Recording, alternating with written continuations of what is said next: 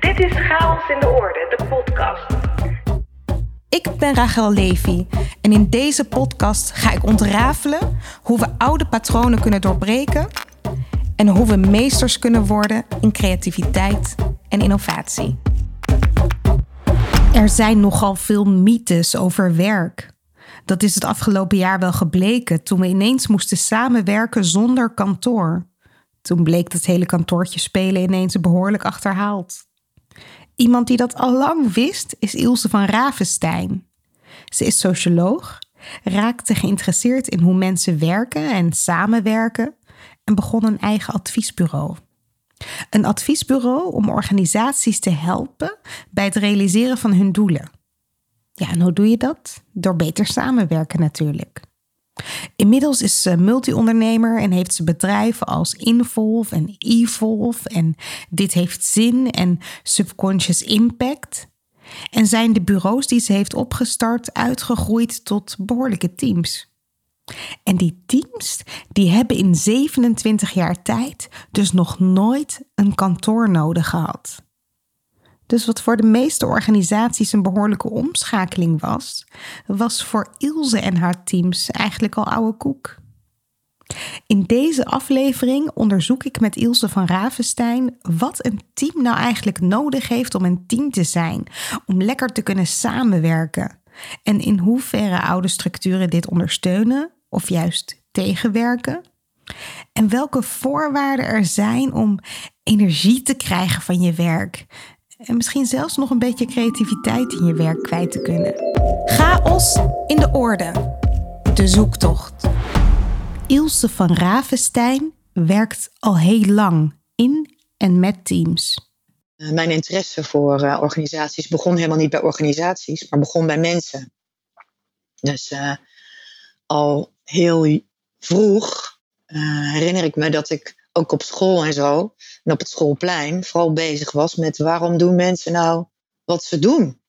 En waarom reageren ze zo op elkaar? En waarom maken ze bondjes? En waarom moet er gepest worden? En dus die dingen die hielden mij altijd bezig. En uh, uh, er was een, um, een uh, vriendinnetje waarmee ik volleybalde. Die um, was mooi. Uh, heel mooi en, en, en slank en uh, prachtige vrouw. En uh, die zei van zichzelf dat ze mooi en dom was. En dat werd ook bevestigd door haar omgeving. Dus ieder, alle mannen en dan ouders, iedereen zei: Ja, je bent hartstikke mooi, maar niet zo slim. En dus is, ging ze dat geloven. En ik zag steeds allerlei dingen in haar. ze had smaak en ze ehm, uh, ze kon ontzettend makkelijk uh, contact maken. Uh, ze was sportief. Ze, had dus, ze was ook sterk. Ze had zoveel mooie kanten. Maar op de een of andere manier wilde ze dat niet zien. En toen ben ik uit het oog verloren. Laatst wat ik hoorde was dat ze haren ging knippen op het strand in Hawaii.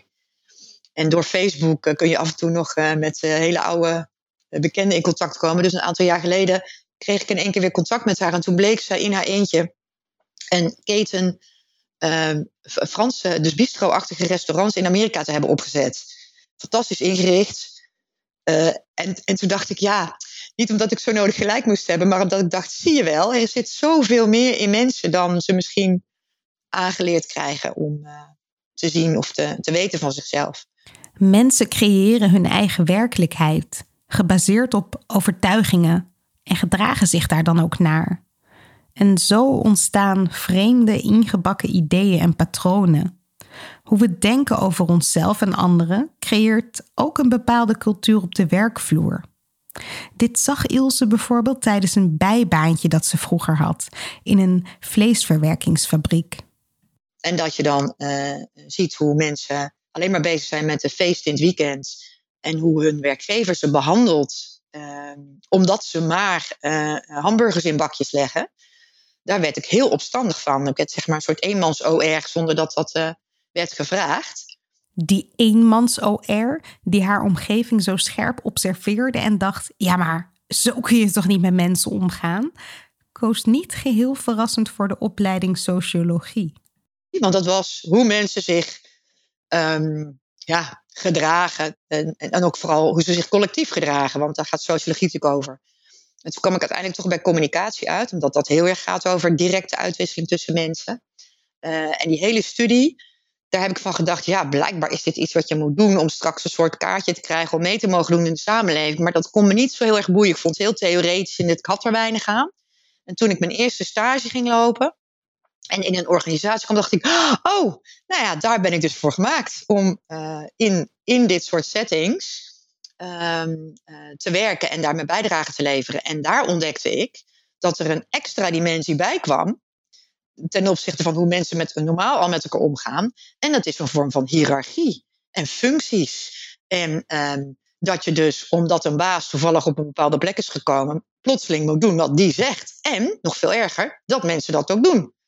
Omdat ze uh, bang zijn. Bang voor dat ze dan geen leuke uh, taken krijgen. Bang voor dat hun salarisverhoging niet doorgaat. Bang dat ze ontslagen worden. Allemaal best wel irreële angsten vaak. Maar uh, wel heel bepalend. Je hypotheek, je gezin, je kinderen. Ik zag al die mensen zo vastzitten en ik begreep er niks van.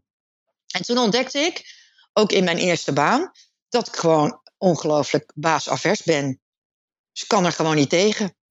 Op de werkvloer creëren mensen met elkaar een mini-universum. Je hebt een rol, een functie, een plek in de hiërarchie en je gedraagt je ernaar. Je spreekt de taal die wordt gesproken, je volgt de geschreven en ongeschreven regels, of die nu werken of niet. En zo wordt dat mini-universum, waar mensen een groot deel van hun week in bewegen, ook een soort kooi. En dat was eigenlijk ook een van de belangrijkste redenen dat ik wel gefascineerd bleef door het idee van macht en autoriteit en hiërarchie en wat dat doet met mensen. Maar dat ik wel dacht, maar, maar ik hoef daar geen onderdeel van te zijn. Dus ik stap eruit. En wat natuurlijk heel uh, laf is, hè, want uh, ik had het ook kunnen proberen aan te pakken, gewoon van binnenuit. Maar nee, ik trok het niet, dus ik ging weg. In eerste instantie dacht Ilse, dit nooit meer. En ook nooit meer samenwerken. Van die dingen die je roept als je jong bent. Maar organisaties bleven aan haar trekken. Ze werd gevraagd om mensen op te leiden en teams te adviseren. En de visie van Ilse op samenwerken en op communiceren sloeg aan. En omdat de opdrachten steeds groter werden, nam Ilse een eerste collega aan. Dus nu werd ze ineens een baas, al voelde dat toen nog helemaal niet zo. Dat was gewoon van, we hadden een klus en dan moesten we samen klaren. Dat was ook nog niet zo bazig, denk ik. En ja, vervolgens uh, uh, Hek van de Dam, het eerste schaapje over de dam. En toen uh, volgden er meer. Allemaal mensen die niet happy waren of klaar waren met wat ze aan het doen waren. Ehm, en dat was eigenlijk de, de, rode draad in iedereen die in de beginfase. Ja, wie wilde er nou bij Ilse werken? Weet je, we waren niks, we hadden geen naam. Het was gewoon iemand met een klus en we gingen het samen doen. Dus het ging veel meer over samenwerken dan over bedrijf of, of baas zijn. Je voelt hem al aankomen. Met één collega samenwerken, ja, dan is er nog geen baas nodig. Met drie collega's kan het ook nog wel. Maar het team groeide en groeide en dus ook de vraag: wie is hier nu eigenlijk de baas? Dan uh, uh, is er op een gegeven moment iemand die baasachtige, werkgeversachtige vragen aan je gaat stellen. Zo van, uh, ja, hoe doen we dat hier eigenlijk? Ziek melden of vakantievragen. Dat ik echt denk, oh ja, oké.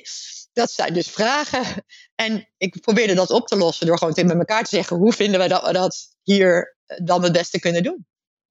Dus we hadden echt een, ja, dat heb je misschien in de pionierfase altijd wel, maar een beetje zo'n sfeer van, jongens, ja, ik weet het ook niet. Ik doe het ook voor het eerst. Laten we samen kijken wat gewoon voor ons werkt en praktisch is. Dus als voorbeeld, er kwamen meer mensen bij. Moet je dan voor iedereen een heel wagenpark aan PC's en zo gaan aanschaffen? Of zeggen we van, wat heb jij thuis nog staan? Doet het het nog een beetje? Zullen we dat dan gebruiken? Of um, uh, uh, ja, jij woont in Amsterdam en jij woont in Den Haag en ik woon in Brabant. Ja, hoe handig is het om dan een plek te hebben waar we iedere dag heen moeten rijden in de file? Uh, zullen we gewoon kijken wanneer we behoefte hebben om elkaar te zien en elkaar dan treffen daar waar het logisch en gemakkelijk is. En zo ontstond dat we ook geen kantoor namen. Het bleek dat het team voor heel veel vragen helemaal geen baas nodig had. Samen bedenken wat werkt voor ons. Op welke manier willen we het liefst werken aan onze doelen? heel gezond verstand eigenlijk. Ik heb nog een tijdje over nagedacht om mijn bedrijf Common Sense te noemen, maar dat was al twintig keer vergeven. Dus toen werd het gewoon van Ravenstein communicatieadvies. Tot het moment dat collega's zeiden, ja, daar voel ik me toch niet helemaal meer zo bij thuis. En toen dachten we, wat voelt dan wel als thuis? En toen werd het Involve. Want zo voelden we, we voelden ons betrokken bij elkaar, bij de klanten. En we geloofden erin dat als je maar mensen echt betrekt, dat het, eh, de impact en het effect, eh, eh, zowel voor de mensen als de organisatie, veel groter is. Die betrokkenheid, die bevlogenheid om samen klussen te klaren, was er ook op afstand. Dus dat kantoortje spelen, dat kwam er niet in. Wel kocht Ilse een huis in Nijmegen. Ze woonde er zelf en het werd een ontmoetingsplek voor haar team. De paddenstoel. Waar een, zaaltje in zat, waar we in ieder geval met z'n allen konden vergaderen. En dat deden we één keer in de maand. Hadden we een bureaudag. En dat was wel ook onze manier. We hadden heel veel manieren. Eh, iemand heeft wel eens onderzocht, geloof ik, dat we 35 rituelen bleken te hebben waarvan we ons niet bewust waren. Om, als je elkaar natuurlijk niet ziet, of niet zo vaak ziet, uh, dat je toch een verbinding met elkaar blijft houden. En het gevoel hebt, wij zijn samen ook een team of een bedrijf. Omdat zo'n bureau natuurlijk heel snel, je doet je eigen klanten. En je kan elkaar ook volkomen negeren en niet tegenkomen. Dus daar deden we wat voor. En een van die dingen die we deden was dat we één keer per maand, een hele dag, bij elkaar kwamen. Op thema, iets wat ons allemaal interesseerde. Er kon een spreker zijn, er konden eigen cases zijn, er kon persoonlijke ontwikkeling zijn, van alles. En dan was het handig dat we daar een soort honk voor hadden, een plek. Maar omdat ik daar ook woonde, was het niet een plek waar iedereen ook de sleutel had en binnenkwam. Dus het was wel echt gewoon, daar konden we workshops met klanten doen. En uh, hele grote afspraken deden we daar. Maar het was één keer per maand. Dan kwam iedereen daarheen. Dus uh, dat was de paddenstoel in Nijmegen. En dat was voor iedereen echt wel een plek waar ze ook dachten van... oh, ik moet er best wel voor, ver voor reizen. Maar uh, dan ben ik wel echt helemaal eruit. Dus dan gingen we lekker de tuin in. En, uh, ja, dus dat was eigenlijk het enige fysieke wat we hadden. En in die tijd was dat bijna, ja, was dat eigenlijk tegendraads lastig, omdat uh, er, waren nog niet al deze technieken die we nu gebruiken, die door, door corona nog veel meer uh, door iedereen geaccepteerd zijn. Wij hebben nog ge, gehad dat we, als er een nieuwe collega kwam, dan kreeg hij al onze kennis op vijf diskettes. En die werden overhandigd. En daar stond dan bij op welke diskette wat stond. Dus op diskette 1 stond bijvoorbeeld alles kennis van onszelf. Op diskette 2 stonden alle projecten die we gedaan hadden. En als we dan iets nieuws hadden, dan stuurden we mail. We hadden wel mail in die tijd. En dan moest uh, dat specifieke bestand op schijfje 2 in mapje 3 worden gezet. En zo had iedereen dan soort van eenzelfde schaduwarchief met uh, al onze kennis. Dat is natuurlijk hilarisch als je erover nadenkt. Maar als je maar goede afspraken maakt en het met elkaar doet, dan kan dat altijd. Dan heb je die techniek eigenlijk niet voor nodig. Het was lastig, maar ook weer niet. Want wat heb je nu eigenlijk nodig om goed samen te werken? Techniek is handig, maar het blijft een middel, meer niet.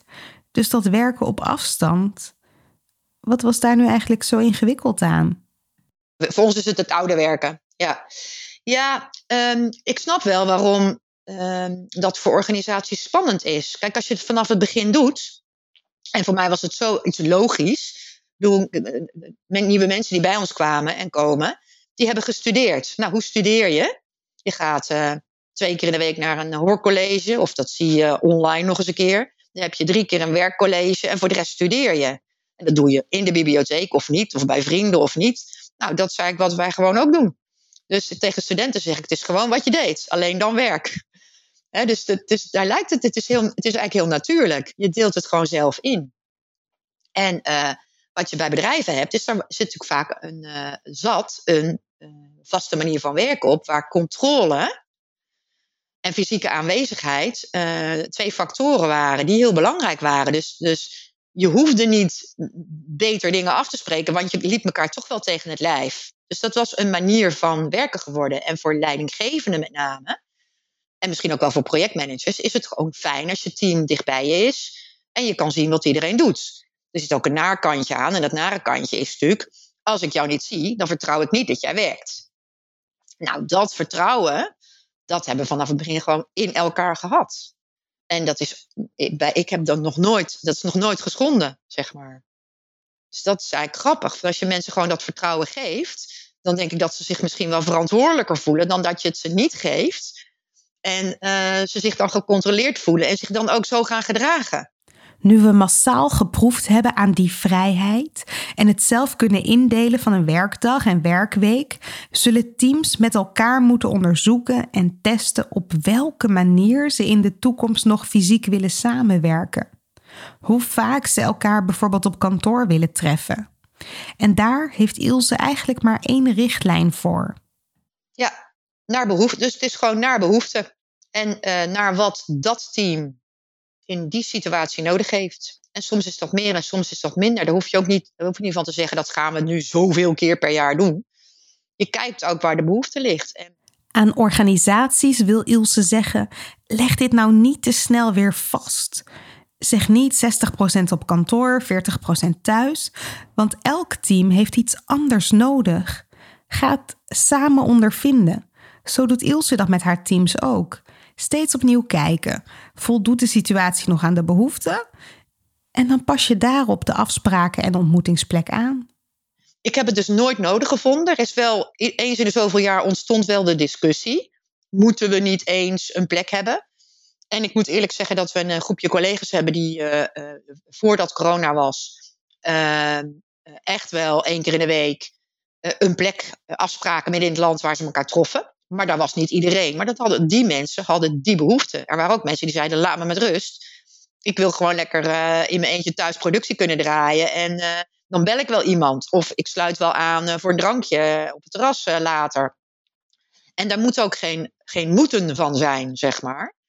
Maar wat ik nu wel merk, en dat is natuurlijk helemaal tegenstrijdig met mijn eigen idee van 26, 27 jaar, ehm, is dat juist omdat je elkaar niet mocht zien, ik dus nu de neiging krijg om te denken, ah, nu moet er een plek komen, waar mensen elkaar dus, regels of geen regels, ehm, binnen alle hè, maatregelen kunnen treffen. En dus nu hebben we uh, het pand wel volledig opengesteld voor de collega's. Hangen de sleutelkastjes. En kan iedereen gewoon naar behoefte daar zijn. En dat is dus eigenlijk een, een, een stijlbreuk, een trendbreuk zou je kunnen zeggen. Met 27 jaar. Maar nu vond ik dat de omstandigheden ons ertoe brachten om dat zo te doen.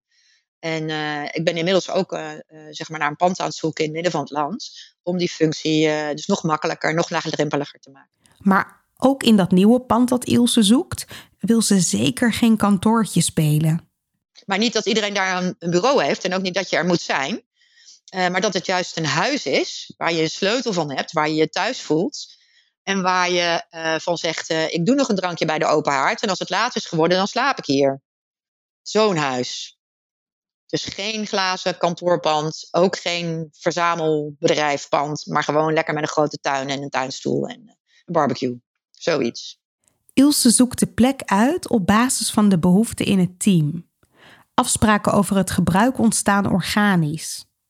Nu bestaan de meeste organisaties uit meerdere teams, soms wel honderden of zelfs duizenden teams. Zou het dan ook zo kunnen werken dat je teams lekker zelf laat beslissen over hoe en waar ze samenwerken? Ik denk dat dat kan en het moet ook, want er zijn zoveel verschillende uh, functiegroepen voor de ene functiegroep zijn gewoon andere uh, afwegingen belangrijk. Als je op een callcenter zit, dan is het weer iets anders dan dat je een monteur bent. Want die waren altijd al met z'n allen on the road en zagen elkaar één keer per week. dus, dus kijk gewoon uh, naar functie, naar de wens van de organisatie, maar vooral ook naar de wensen van de mensen. Hoe zij het makkelijkst en het best kunnen werken. En ik denk wel dat er iets veranderd is. Want um, diezelfde leidinggevenden die ik eerst dat moeilijk vonden, die zijn nu gewoon gedwongen diezelfde mensen die dachten, ik heb die collega's om me heen nodig, die zijn ook gedwongen om te ervaren van, oh, maar, maar hoe vind ik dat eigenlijk? En ik, ik hoor eigenlijk niemand die niet ook voordelen ziet. Ook nadelen natuurlijk, maar ook voordelen ziet aan meer rust en ruimte in je eigen leven. Uh, hoewel er ook heel veel mensen uh, heel dwangmatig aan het apparaat uh, hangen, vraagt het dus wel veel meer van je eigen ehm, zelfzorg om het zo maar te zeggen. Om ook uh, rust tussentijds uh, te nemen. En daar vind ik dat een organisatie weer behulpzaam bij kan zijn of weer hulp kan aanreiken. Hoe doe je dat dan? Dus wij hebben dat ook gemerkt in ons team, want we, um, die, ook die bureaudagen, die konden een tijd niet. Nou, dan wordt het natuurlijk heel arm. als je dat ook al niet hebt, dus wij zijn op zoek gegaan naar wat kan wel. Dus we zijn wandelwedstrijd gaan organiseren, zodat je duo's kon lopen. Uh, en we hebben heel veel aandacht besteed ook aan het welbevinden van de mensen. Van hoe ga jij om met iets van je. Want het, het hè, je werd echt van je sociale leven afgesneden, zeg maar. Niet alleen werkend, het deed ook privé heel veel voor mensen. En dat hebben we wel gezien en geprobeerd vanuit ja, het bedrijf dan maar. Want het is ieders eigen verantwoordelijkheid te kijken van wat kunnen we daar, uh, hoe kunnen we helpen. Een van die dingen die helpt om je verbonden te voelen, ook op afstand van elkaar, zijn rituelen.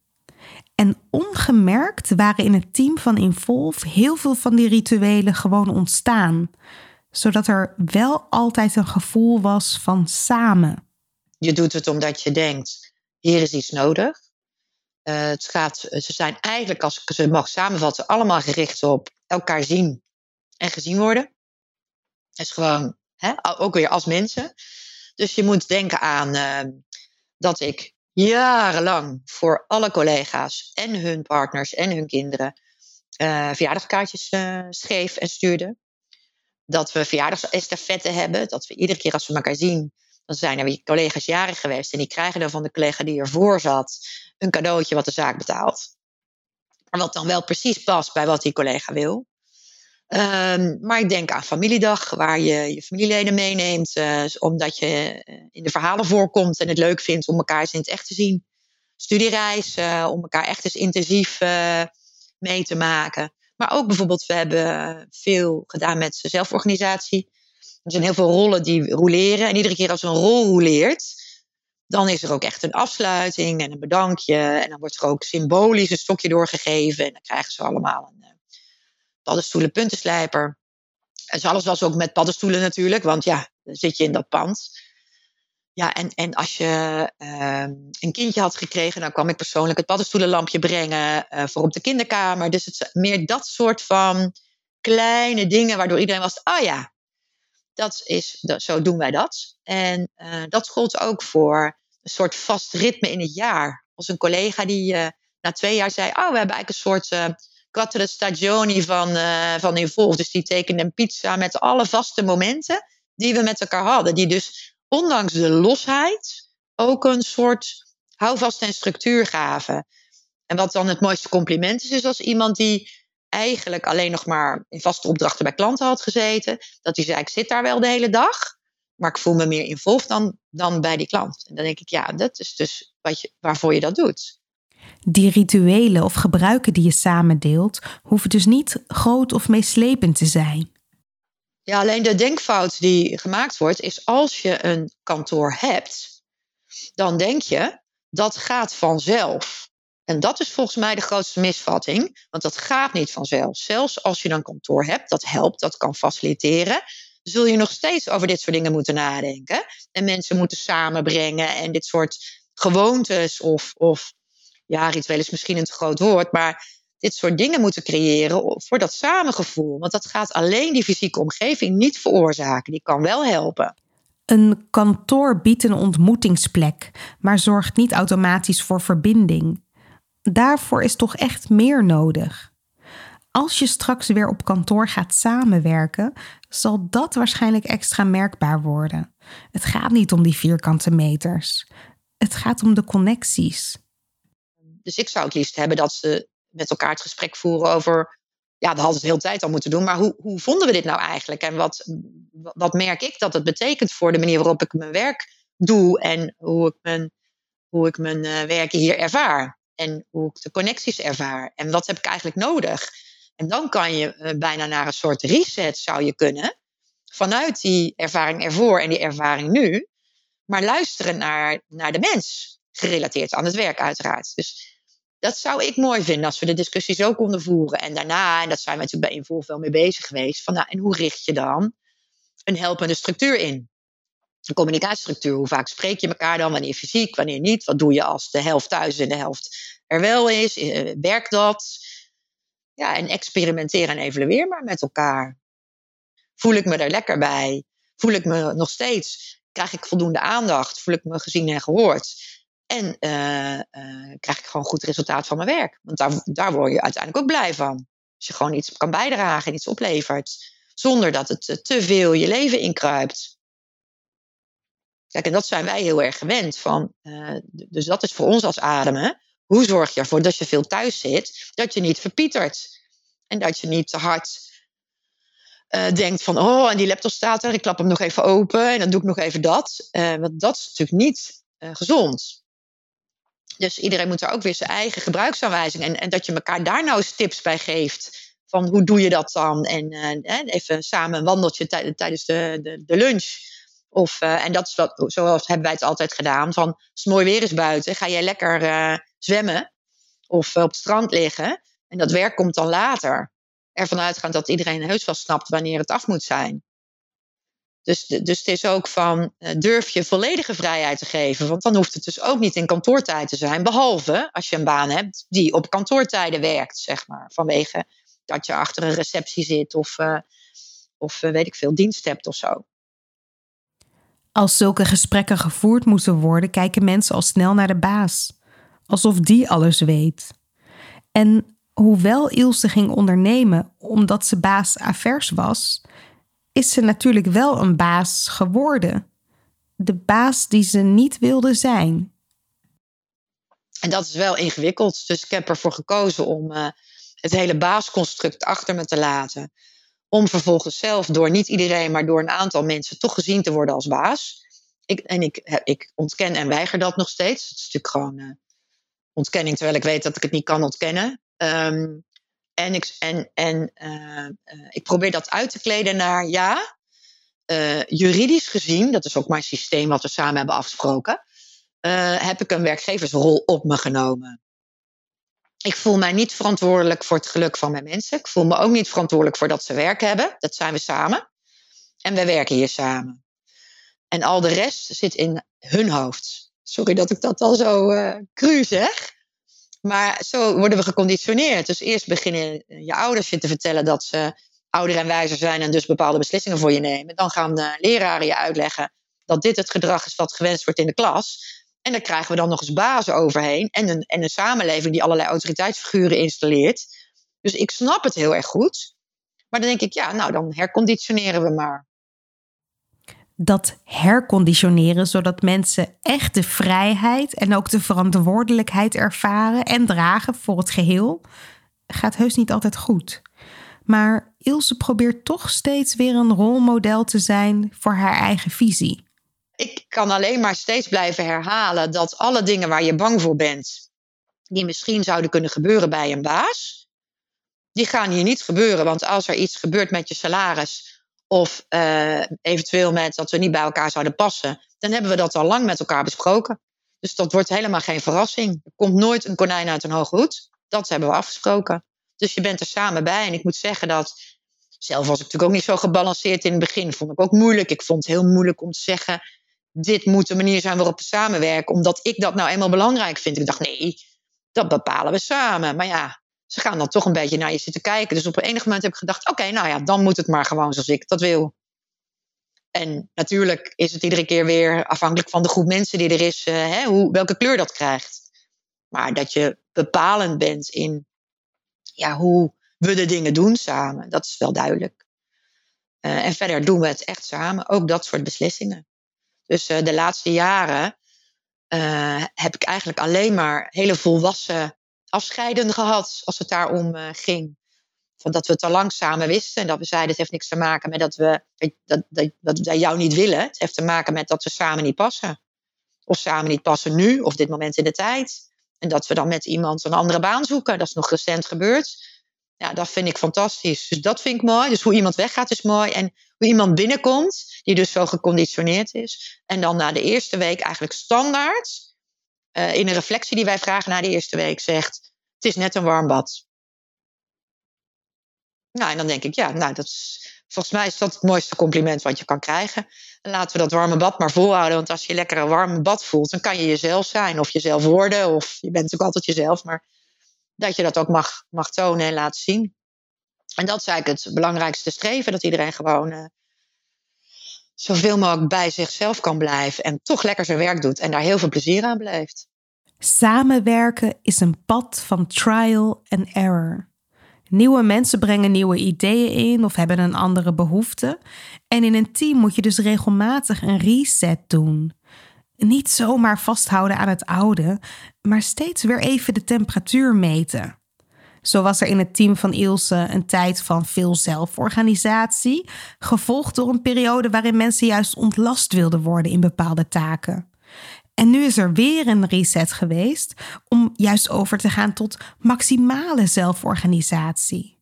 Nu is eigenlijk alles zelforganisatie, tenzij. Uh, tot het punt waar het team zelf zei, tot hier en niet verder. Dus bijvoorbeeld salarissen samen bepalen, dat wilden ze niet. Heb ik echt geprobeerd. Uh, uh, samen over ICT-dingen, in godsnaam, pff, doen jullie dat maar. Dus er bleven een paar dingen uh, ja, die je als soort van managementtaak zou kunnen zien, maar een regeltaak. En de rest, met name de werkverdeling, dat was wel vrij, uh, ja, vond ik wel vrij revolutionair. dat zijn we dus gewoon met het complete team aan het doen. Iedere twee weken. En dat nog steeds. En dat heeft al jarenlang dan een wisselende coördinator die dan dat proces begeleidt. Um, zodat iedereen zich daar ook weer goed bij voelt. En daar hebben we heel veel in geleerd hoe dat kan. Zelfsturing betekent dat iedereen verantwoordelijk is. Ilse vindt het belangrijk dat mensen binnen het team zoveel mogelijk ontdekken wat ze leuk vinden en goed kunnen. Maar soms moet er ook gewoon werk verzet worden. En achteroverleunen is dan geen optie. Dat hoort ook bij zelforganisatie. De balans vinden tussen de puzzel willen leggen, dus resultaatgericht, en uh, ruimte voor mensen om zich te laten uitspreken of ze ergens ruimte voor hebben of zin in hebben. Dat, was een, dat, is, dat is echt een fijne balans, zeg maar. Want iedereen snapt dat er een bedrijfsbelang is. Maar dat heel veel mensen zijn, als er natuurlijk een groep van 22, hè, want dat zijn we inmiddels, als een groep van 22 mensen aan de telefoon of om een tafel zit, om dit te bespreken, dan denk je al snel, nou ja, laat maar, weet je. Ik vind best. Maar ik vind het best is gewoon niet goed genoeg. Het moet gewoon zijn, ja, hier heb ik zin in, dit vind ik gaaf. Of, jongens, we hebben nu een klus, niemand wil hem. Nou, wie pakt dan een keer de corvée en de volgende keer pakt een andere? Maar dat je dat ook benoemt en dat iedereen dan snapt aan je take one voor de team, zeg maar. Of we doen het gewoon niet. Dat beslissen we ook wel eens. Deze doen we niet. Dat is ook een moeilijke beslissing hè, als bureau. Want we, ja, je wilt toch altijd ook zorgen dat uh, je samen werk genoeg hebt dit kijkje achter de schermen van Involve vind ik heel interessant. Het blijven experimenteren, het roleren van rollen, een baas die geen baas is. Maar naast de ervaring met haar eigen team is Ilse dus ook nog steeds organisatieadviseur.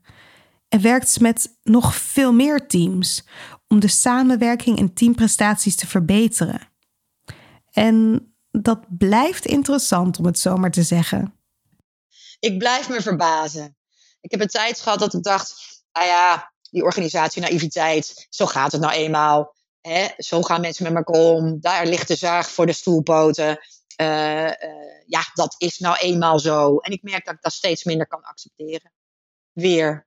Dus eerst was ik uh, naïef activistisch van hallo, maar zo gaan we er niet met elkaar om. Toen dacht ik, ah nou ja, zo is het dus blijkbaar. Dus toen zei ik tegen jonge collega's, wend er maar aan. Dit is hoe het gaat. Hoeven wij bij ons niet te doen. Doen we daar wel.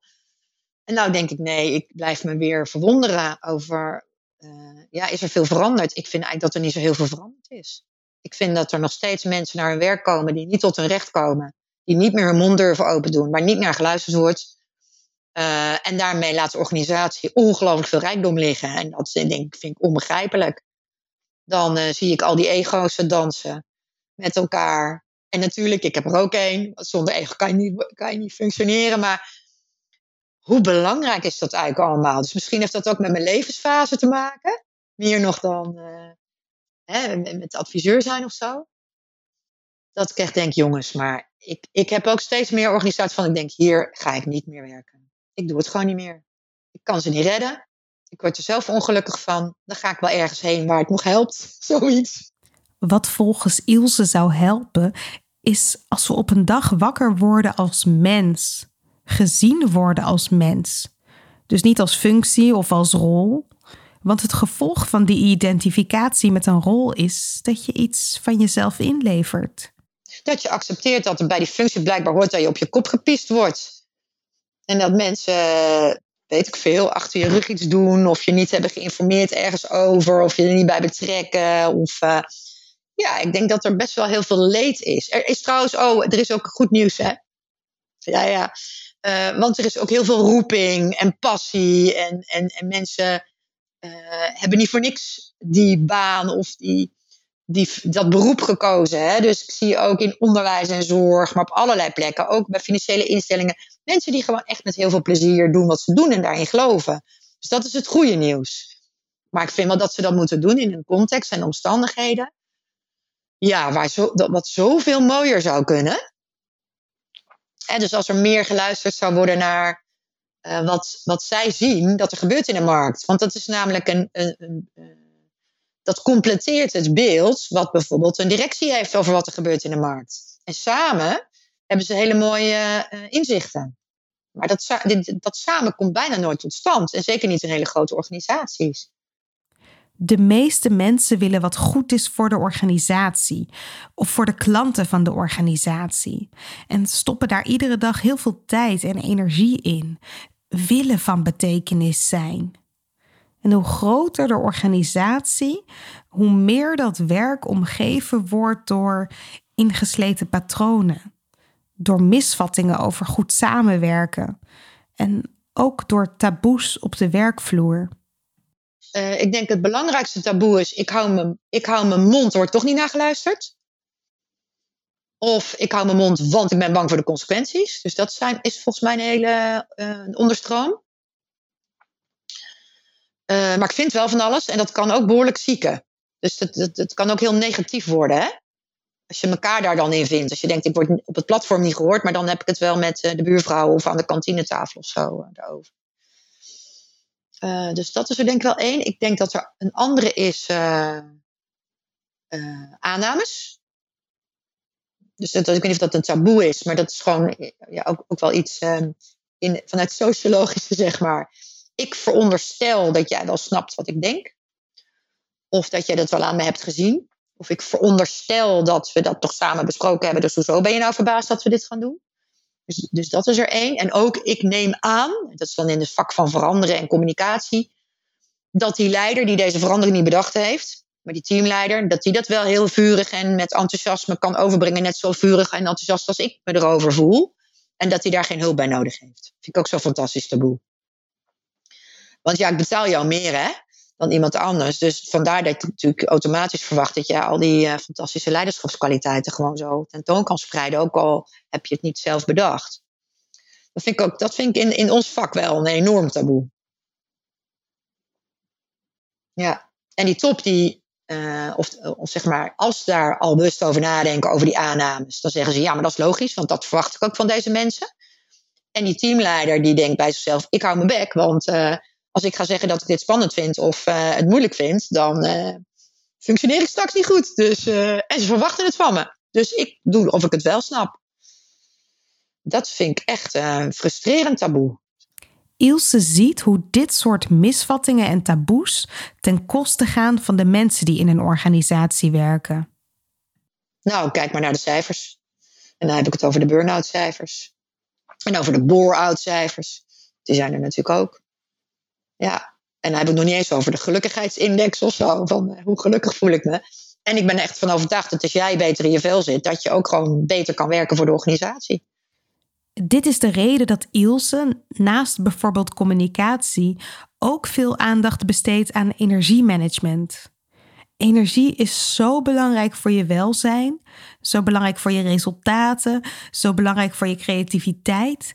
Je energie is een instrument en dat instrument wordt nog te veel onderschat, waardoor er niet goed genoeg voor gezorgd wordt. Nee, nee. Het is echt zeker wel zo dat er meer ruimte voor is gekomen. Dat heeft natuurlijk ook weer te maken met uh, bepaalde generaties die het verwachten. Het heeft te maken met uh, wat er in de, in de samenleving wordt, uh, wordt gedacht. Maar ik vind wel dat dat in, in organisaties heel langzaam maar binnencijpelt. Het kan als er, als er een paar leiders zitten die daar heel erg in geloven. En dan is daar plotseling ruimte voor.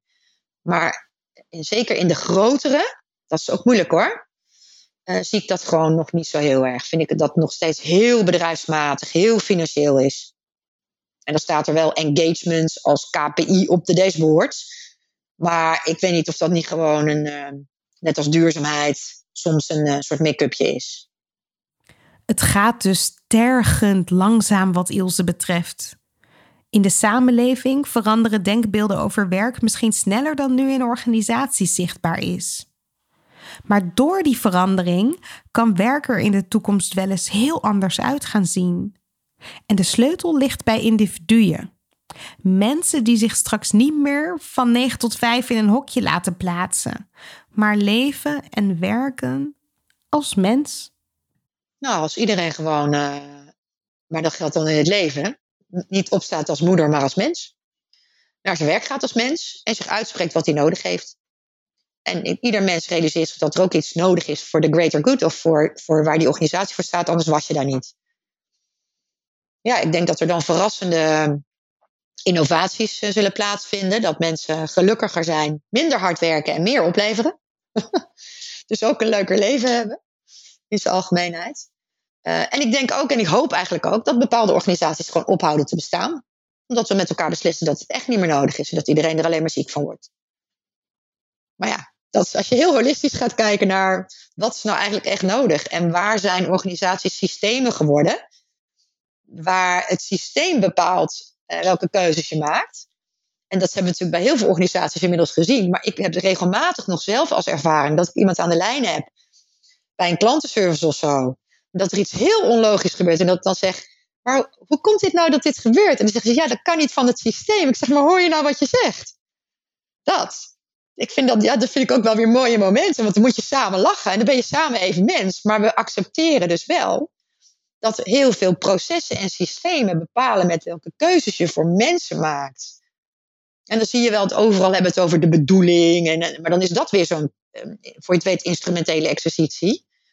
Die moet echt gaan over uh, wat jou raakt uh, in, je, in je hart. En wat jij. Uh, en ik ben dus altijd heel dol op op mensen die zeggen, ja, het systeem zegt dit, maar doe lekker zo dit voor jou nu. Dan denk ik, kijk, nou zijn we weer. Niet omdat ze dan iets voor mij doen, maar omdat ze durven uit het systeem te stappen en kijken wat is hier nou reëel en eerlijk. Organisaties die willen, kunnen nu al verandering inzetten. Jij, jij kunt als je wilt nu al de verandering inzetten. Ja, één mens at a time. denk ik dan maar. Ja, uh, geduld, kleine stapjes. Dit, is niet, dit kan bijna niet groots. Het kan bijna niet groots. En dat is ook goed nieuws. Er hoeft dus geen gekunstelde projectmatige systeemverandering te worden opgetuigd en ingevoerd. Het gaat volgens mij over een houding. Een houding van openstaan voor elkaar. En, en bereid zijn. Dat vind ik wel mooi van mijn, van mijn vrienden van Subconscious Impact, een van mijn bedrijven. Eigenlijk zeggen die uh, de intentie om met elkaar in gesprek te gaan en dan op zoek te gaan naar waar de ander gelijk in heeft. En dat is heel mooi, want van jezelf wist je al dat je gelijk had. Dus nou nog even kijken waar die ander dat in heeft. En dan zien wat er ontstaat. Ik denk dat daar hele mooie dingen kunnen ontstaan. Dus intentie en, en echt op zoek gaan. Niet alleen ik luister naar jou en ik hoor wat je zegt. Nee, oké, dat is een punt, daar heb je gelijk. En oh, daar raken we elkaar ook. Want heel vaak heb je gewoon gezamenlijkheid. Maar we, hebben er niet de tijd voor, of we hebben er niet de skills voor, of ik weet niet wat.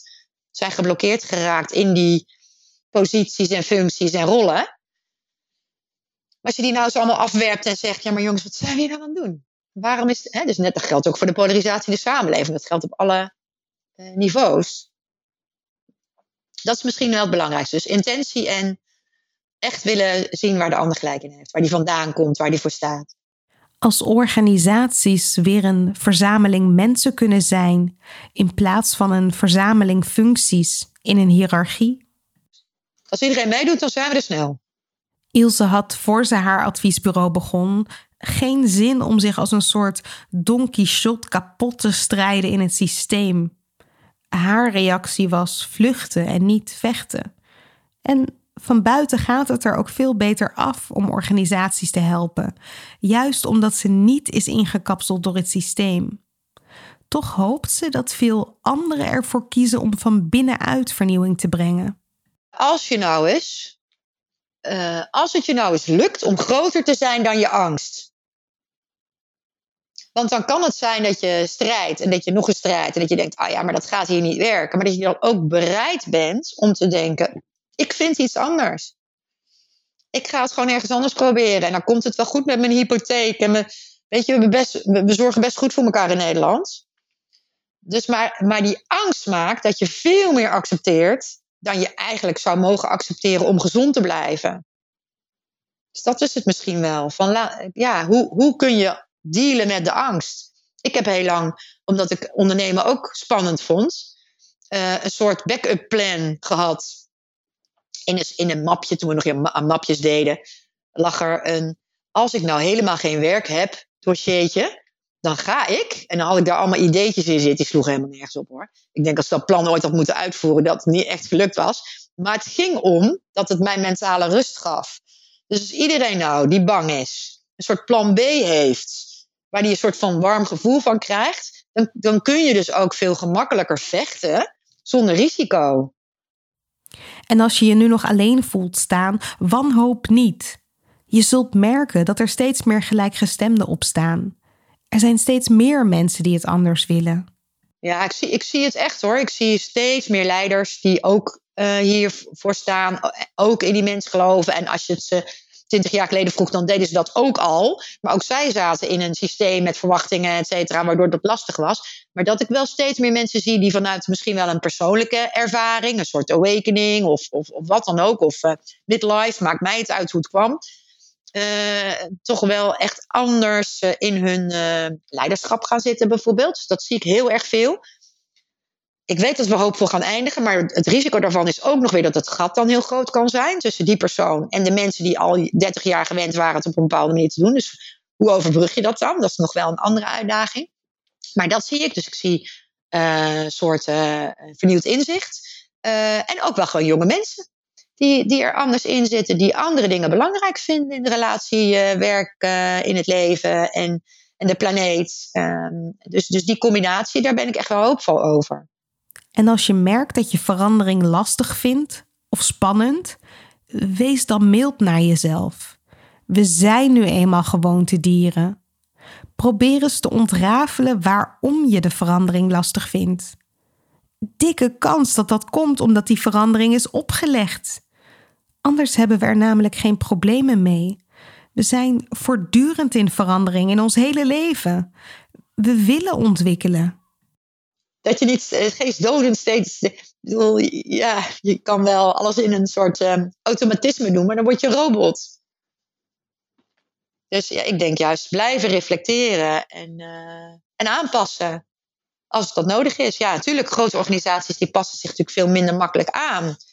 Maar je kan als mens, en dat zie ik ook in teams, ook in grote organisaties, die doen iedere dag iets een beetje beter of een beetje anders. Dus dat gebeurt ook gewoon. Hè?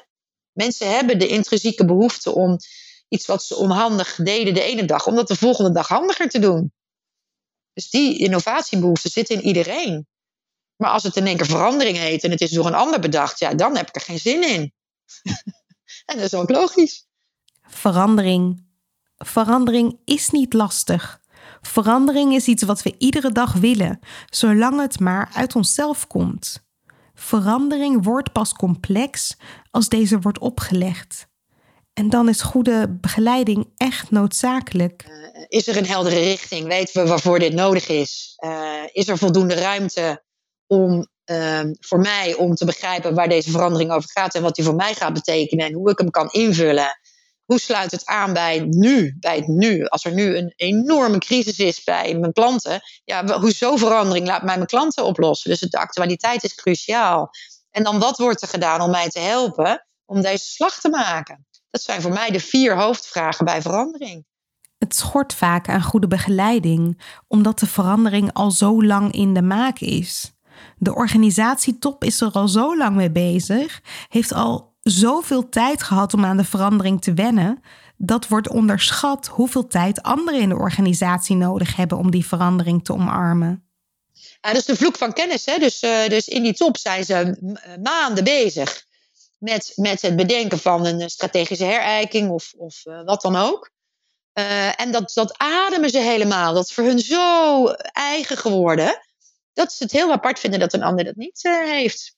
Ik doe wel eens dat in, een, in een directiekamer zo'n trucje met een liedje kloppen op de tafel. Hè? En dan mag jij een kinderliedje pakken. En mag je kloppen. Dat hoor je natuurlijk in je hoofd, dus dan klop je mee. En dan mag je van tevoren inschatten hoe groot de kans is, of hoeveel procent van de aanwezigen het liedje juist gaan raden. Nou, dan zeggen ze nou 90 eh, procent, want ik kan heel goed kloppen. En in mijn hoofd klinkt het heel helder hoor. Altijd is kortjakje ziek. Maar als het gaat kloppen, dan zijn het gewoon alleen maar klopgeluidjes. En iedereen denkt, waar, wat is dit? En dat is dus de grap. In je hoofd is het helemaal helder. Maar die ander snapt er niks van. Als je straks weer terug gaat naar kantoor, niet als vader of buurvrouw of zoon of als je functie, maar als mens. Kijk dan eens om je heen. En zie de organisatie dan voor wat het is: een verzameling mensen. Mensen die ook maar hun best doen. Mensen die wanhopig een liedje bonken in de hoop dat ze begrepen worden. Mensen die willen bijdragen en van betekenis willen zijn.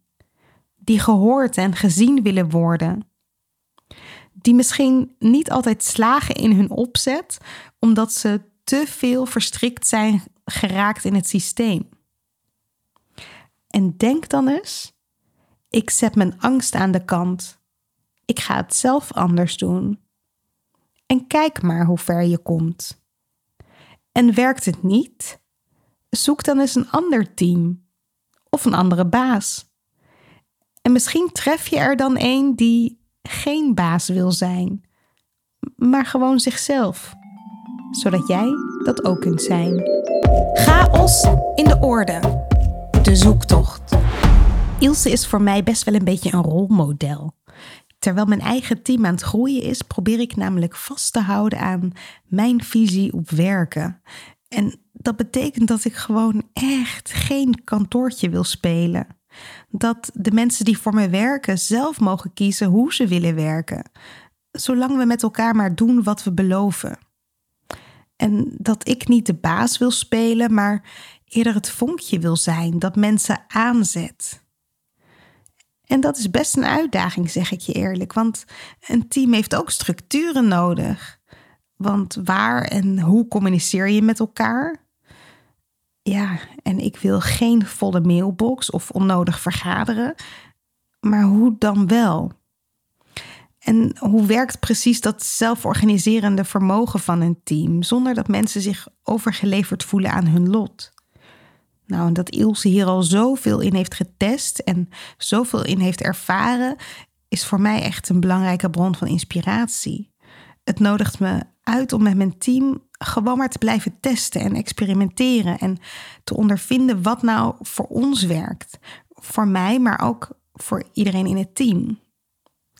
En ik hoop dat dit gesprek jou ook iets heeft opgeleverd. Dat het je prikkelt om vooral niet achterover te leunen, maar zelf ook een beetje de baas te zijn. Want als iedereen dat doet, als iedereen verantwoordelijkheid neemt voor de heersende organisatiecultuur, dan is het precies zoals Ilse zegt. Als iedereen meedoet, dan zijn we er snel. Wil jij nou Ilse live ontmoeten en een toffe masterclass bij haar volgen? Dat kan. Ze is een van de sprekers tijdens Chaos in de Orde, het werkfestival, op 12 november aanstaande in de fabriek in Utrecht. En in haar masterclass prikt ze de 9 tot 5 kantoormieten voor goed door. Dus sleep je collega's mee en laat jullie inspireren door Ilse en andere topsprekers op het gebied van creativiteit en innovatie. En aan het einde van de dag heb je een hoofd vol kennis, nieuwe inspiratie en natuurlijk praktische tools om in jouw organisatie een begin te maken aan een nieuwe, frisse organisatiecultuur. De tijd is rijp. Jij ook? Kijk op chaosindeorde.nl voor het programma en ticket. Creativiteit, innovatie. Het lijkt omgeven door een mysterieuze mist. Een geheim voor briljante breinen en getalenteerde kunstenaars. En toch, het moet toch voor iedereen toegankelijk zijn? Aflevering voor aflevering graaf ik steeds een stukje dieper. Ben jij enthousiast? Abonneer je dan op deze podcast en laat een review achter in de app waarmee je luistert. Hoe meer reviews we ontvangen, hoe meer mensen deze podcast kunnen vinden. Zo zorgen we samen voor meer chaos in de orde. Wil jij zelf chaos in de orde brengen? Download dan gratis het e-book Chaos. 10 manieren om patronen te doorbreken. Je vindt het op chaosindeorde.nl/slash podcast. Deze podcast wordt je aangeboden door Huis van Verbeelding, het bedrijf voor zakelijke creativiteit. Tot de volgende keer en veel chaos!